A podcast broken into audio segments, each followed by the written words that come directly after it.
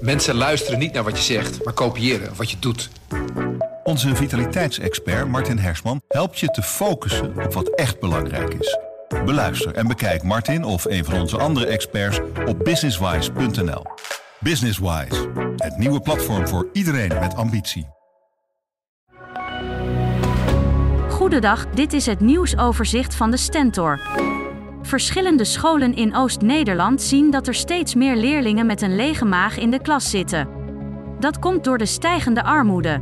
De Emma-school in Apeldoorn is begonnen met het aanbieden van ontbijt aan kinderen waarvan ouders het minder breed hebben.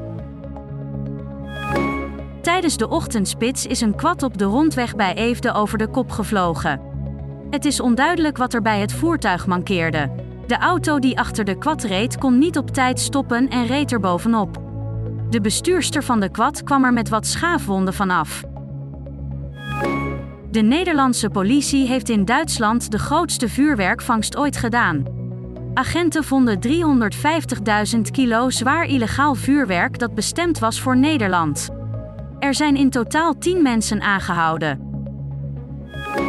Een groot bouwproject in Apeldoorn ligt al twee maanden stil. Belangrijke materialen blijken niet leverbaar te zijn. De 94 appartementen laten nog op zich wachten.